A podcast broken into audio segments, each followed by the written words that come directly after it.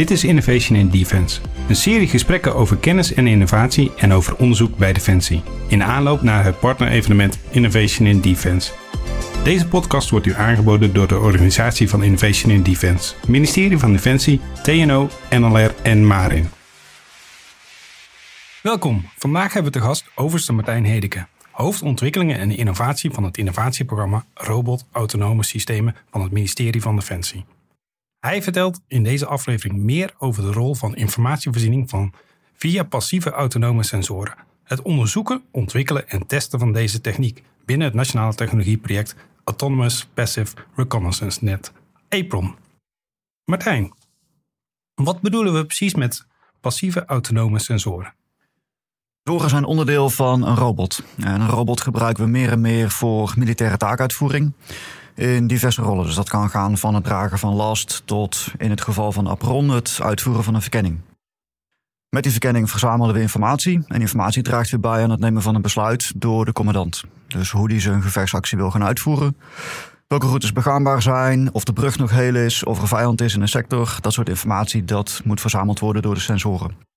Robots vullen daar uh, een belangrijke rol in, uh, omdat die vaak in gevaarlijke gebieden uh, zonder risico voor de mens dan die informatie kunnen verzamelen. Het laatste element is passief. En waarom nou passief? Omdat we eigenlijk zo min mogelijk gedetecteerd willen kunnen worden door de vijand. We zien bijvoorbeeld in Oekraïne nu veel meer aanwezigheid van elektronische oorlogsvoering. het kunnen opsporen van radio's die militaire frequenties uitzenden. En daarom is het van belang dat we ook passief informatie kunnen verzamelen. Klinkt als een heel gehoord onderwerp. Maar wat is er nou dan precies onderzocht in APRON? Ja, APRON is een technologieproject. Uh, meestal wordt het gelanceerd vanuit de industrie. Die dienen dan een voorstel in. En wij toetsen dat op relevantie en urgentie. En indien akkoord gaan we daar uh, samen met de industrie uh, technologie op ontwikkelen. Nou, in dit geval was APRON een samenwerking tussen vier organisaties. drie van het bedrijfsleven en TNO als onderzoeksinstituut. Dus, drie bedrijven waren Demcon, Microflown en Photonus. Bij elkaar uh, bieden twee bedrijven sensortechnologie aan. Dus Photonus voor de cameratechnologie, om met name bij nacht en bij duisternis te kunnen kijken. Uh, Microflown voor de akoestische sensor, om bijvoorbeeld geluiden te kunnen detecteren, lokaliseren. Demcon voor de integratie van het geheel. En TNO voor de ontwikkeling van algoritmes om alle informatie te kunnen duiden uh, wat we eigenlijk zien of wat we eigenlijk horen. En die we dan de kunstmatige intelligentie gemaakt. En hoe verliepen die experimenten met deze technieken? Nou, het begint met uh, een bouwtekening. Wat wil je eigenlijk bereiken en waarom dan? Uh, vanuit Defensie, vanuit het RAS-programma schetsen we dan de context. Uh, in welke omgeving moet je dan die informatie verzamelen? Op welke afstanden? Welke doelen ben je naar op zoek? Bijvoorbeeld, we hebben aangegeven dat we het kunnen detecteren en identificeren van voertuigen en personen belangrijk vinden. Um, dan bouwt de industrie eerst een eerste prototype van technologie zoals die werkt. Um, dat het allemaal één keer in een labomgeving werkt. Er hoorde een deel datacollectie bij om de algoritmes te kunnen trainen. En toen we eenmaal een werkend prototype hadden, zijn we buiten gaan testen. En dat probeer je zo dicht mogelijk bij een operationeel reëel scenario te komen. Dus bij duisternis, uh, militaire in camouflagekleding die gevonden moesten worden uh, oprijdende voertuigen vanuit de bosrand. En dan probeer de prestaties van het systeem uh, dusdanig te ontwikkelen dat ze uh, voldoen aan de militaire eisen. Dus inderdaad passief, genetwerkt, intelligent die informatie kunnen verzamelen, kunnen berekenen of identificeren wat het is via de algoritmes en dat kunnen tonen op een militaire command-and-control applicatie. Dat zijn al heel veel technieken die je zo aangeeft. En waarom zetten we in op het onderzoeken van deze technieken? Um, nou, met name binnen de landmacht, het innovatieprogramma RAS uh, onderzoekt eigenlijk op praktische wijze hoe we onbemande systemen met toenemende mate van kunstmatige intelligentie kunnen inzetten om het uh, gevechtsoptreden van de landmacht te kunnen versterken. Enerzijds willen we uh, meer kunnen bereiken met de hoeveelheid mensen die we nu hebben. En andersom willen we het werk voor de militair veiliger kunnen maken. Nou is verkennen redelijk risicovol werk. Je zit dicht tegen de vijand. Ehm, je probeert te zien zonder gezien te worden. En je hebt niet bijvoorbeeld een complete gevechtseenheid om je heen om het gevecht met de vijand aan te gaan. En vandaar zien zonder gezien te worden. Uh, voor die risicovolle taken zien we steeds meer mogelijkheden met onbemande systemen. Drones zijn natuurlijk een bekend voorbeeld. Die gebruiken we al 15 jaar voor verkenningen, surveillance, doelopsporing. En meer en meer experimenteren we ook met onbemande grondvoertuigen. Nou, Apron is eigenlijk deeltechnologie. Dus de sensor payload die op een onbemand systeem zou kunnen. En welke rol heeft dit onderzoek in bredere context van het autonoom opereren?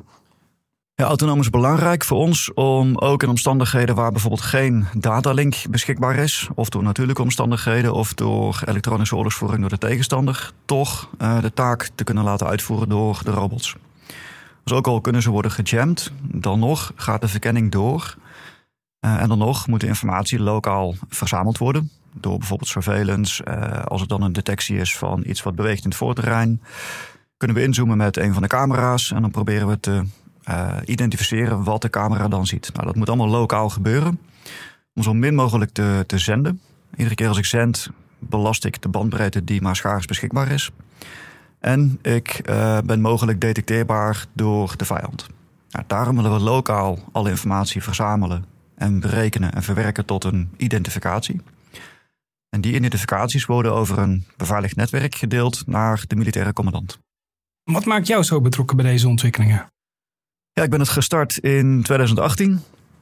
Ik werkte toen al bij de afdeling innovatie, toen nog concept development en experimentation. Dus na 15 jaar operationeel uh, ben ik eigenlijk innovatie ingegaan.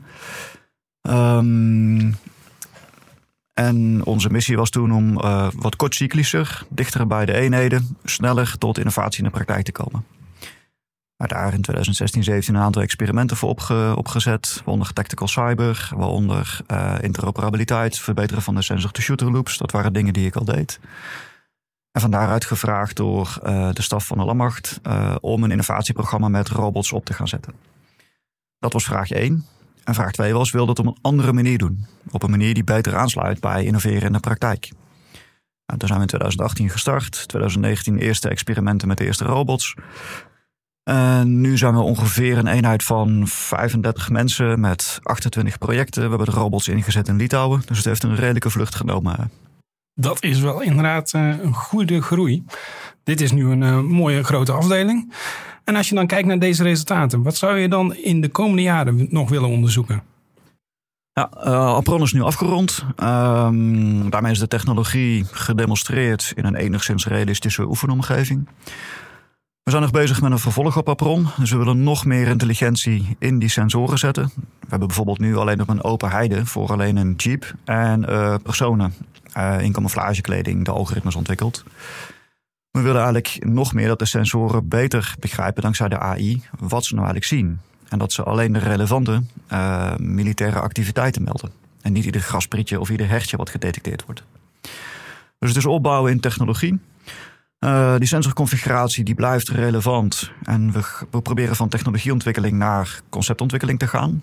En in die tweede stap, die ontwikkeling van concepten, betrek je eigenlijk de, de militair bij uh, het gebruiken van de technologie tijdens oefeningen of tijdens uh, bijvoorbeeld een uitzending zoals in Litouwen.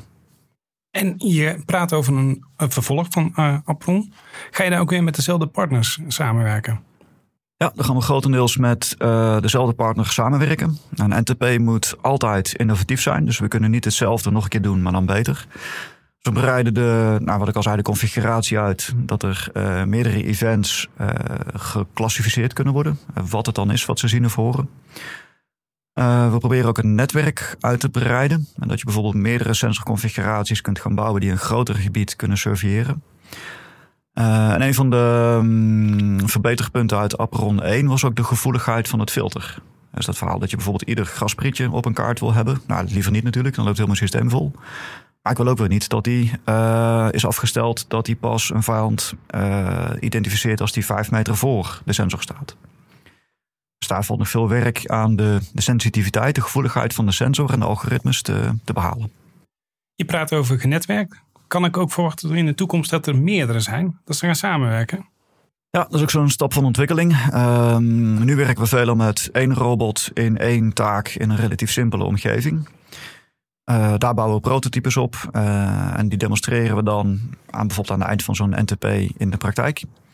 De volgende stap is meervoudige taken in een groter gebied met meer complexiteit in het gebied met samenwerkende onbemande systemen. En daarvoor is genetwerkt kunnen werken tussen de robots, zodat ze informatie kunnen delen, is van belang. Dit is een nationaal technologieproject met meerdere nationale partners. Hoe ontwikkelt de Nederlandse industrie zich op dit gebied? Ik denk dat we buitengewoon trots kunnen zijn op wat we in Nederland kunnen. Ehm, ik denk dat we heel goed gepositioneerd zijn van de technische universiteiten tot het onderzoeksinstituut TNO tot uh, midden, kleine en grote bedrijven in Nederland, uh, om daar als defensie mee samen te werken. Het zit in ons DNA, het zit in onze cultuur als Nederlanders om samen te werken. We reizen ook vrij makkelijk uh, door het land, korte afstanden om elkaar op te zoeken. Um, ik denk dat we hele hoogwaardige bedrijven en kennis en kunde hebben om technologie, bijvoorbeeld op sensorgebied, algoritmes en ook robotica, robotica, nationaal te kunnen ontwikkelen. Ik denk dat het ook belangrijk is omdat het ons minder afhankelijk maakt van het buitenland. Uh, zeker voor de cruciale technologie van kunstmatige intelligentie. Die wil je zoveel mogelijk in eigen beheer hebben. Uh, en niet afhankelijk zijn van een buitenlandse mogelijkheid of te lange supply chains of kennis die, uh, die niet voorhanden is. Nee, je wil zelf begrijpen wat die systemen doen en kunnen en hoe ze werken. En je wil ze ook zelf dicht bij huis kunnen ontwikkelen met te vertrouwde partners. Maar dit is dan nationaal en hoe staat het internationaal? Ja, vanuit de RAS-eenheid werken we ook internationaal samen. Uh, dat doen we uh, met de militaire strategische partners als Duitsland, Amerika, Engeland en ook in Israël. Uh, bijna iedere land heeft al wel een innovatieprogramma met robotica op. Zo hebben we bijvoorbeeld een actieve bijdrage aan oefeningen, experimenten in Engeland en Amerika. Uh, en meer en meer met onze strategische partner Duitsland natuurlijk zoeken we ook de samenwerking op, op dit gezamenlijk te gaan doen. En ook daar is het denk ik goed dat we dan de, via de NTP's Nederlandse technologie door Nederlandse bedrijven kunnen ontwikkelen en aan kunnen bieden in zo'n samenwerking. Dat maakt ons sterker. En sluit u dan ook aan met andere ontwikkelingen binnen de raseenheid? Ja, het valt binnen een van de thema's die we uh, met prioriteit doorontwikkelen. Dat is het informatiegestuurd optreden. Uh, we werken in horizons en technologieproject uh, of technologieontwikkeling is meestal horizon 2. Dus we weten dat we het technisch kunnen ontwikkelen. De industrie bouwt de prototypes uit tot een demonstrator. En bij voldoende kwaliteit kunnen we hem naar horizon 1, dat is experimenteren met de eenheden, gaan overbrengen. In horizon 1 uh, werken we ook met uh, een andere hardwareconfiguratie die we eind van het jaar op een onbemand systeem gaan zetten. Dus daar zit de camera, de akoestiek, de rekenkracht, de netwerkconfiguratie zit er al in. Nou, biedt ons de ontdekking van nieuwere technologie, met name voor s'nachts te observeren door de camera's van Photonis. Het biedt de algoritmes door TNO ontwikkeld om beelden lokaal te kunnen klassificeren. En dankzij dem komt de connectie met de command-and-control applicatie. En de microflow sensoren zaten ook al op onze uh, huidige systemen. Dus het sluit goed aan bij wat we al doen. En als je nou kijkt uh, naar dit project. dit valt dus breder binnen de raseenheid. Kun je ook iets meer vertellen over het autonoom optreden van de toekomst? Autonomie is uh, de volgende horizon die we ontwikkelen. Uh, naast horizon 1 wat veel remote controlled optreden is. Uh, we zien bijvoorbeeld de eerste projecten die over autonomie gaan in de toepassing in drones.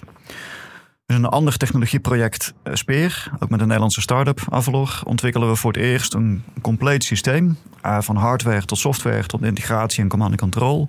Van een werkende zwerm drones. Nou, het aantal was vijf drones. Maar dat kunnen we vrij makkelijk upscalen. Um, maar dat bestaat uit een user interface waarbij de mens de missie maakt. Zo houdt de mens overzicht en controle. En vervolgens wordt eigenlijk alles daarna geautomatiseerd. Dus het maken van de beste route, het opstijgen en het, uh, het vliegen door de drone zelf vanuit een hive, een doos waar dan vijf drones in zitten. Uh, het kunnen uh, detecteren en identificeren van wat er uh, gevonden moet worden. Bijvoorbeeld een panzervoertuig van de tegenstander. Die informatie wordt weer teruggestuurd naar het command station. En als de drone klaar is of een batterij moet wisselen, gaat hij automatisch terug naar de hive. Landt, krijgt een nieuwe batterij en kan weer terug de lucht in.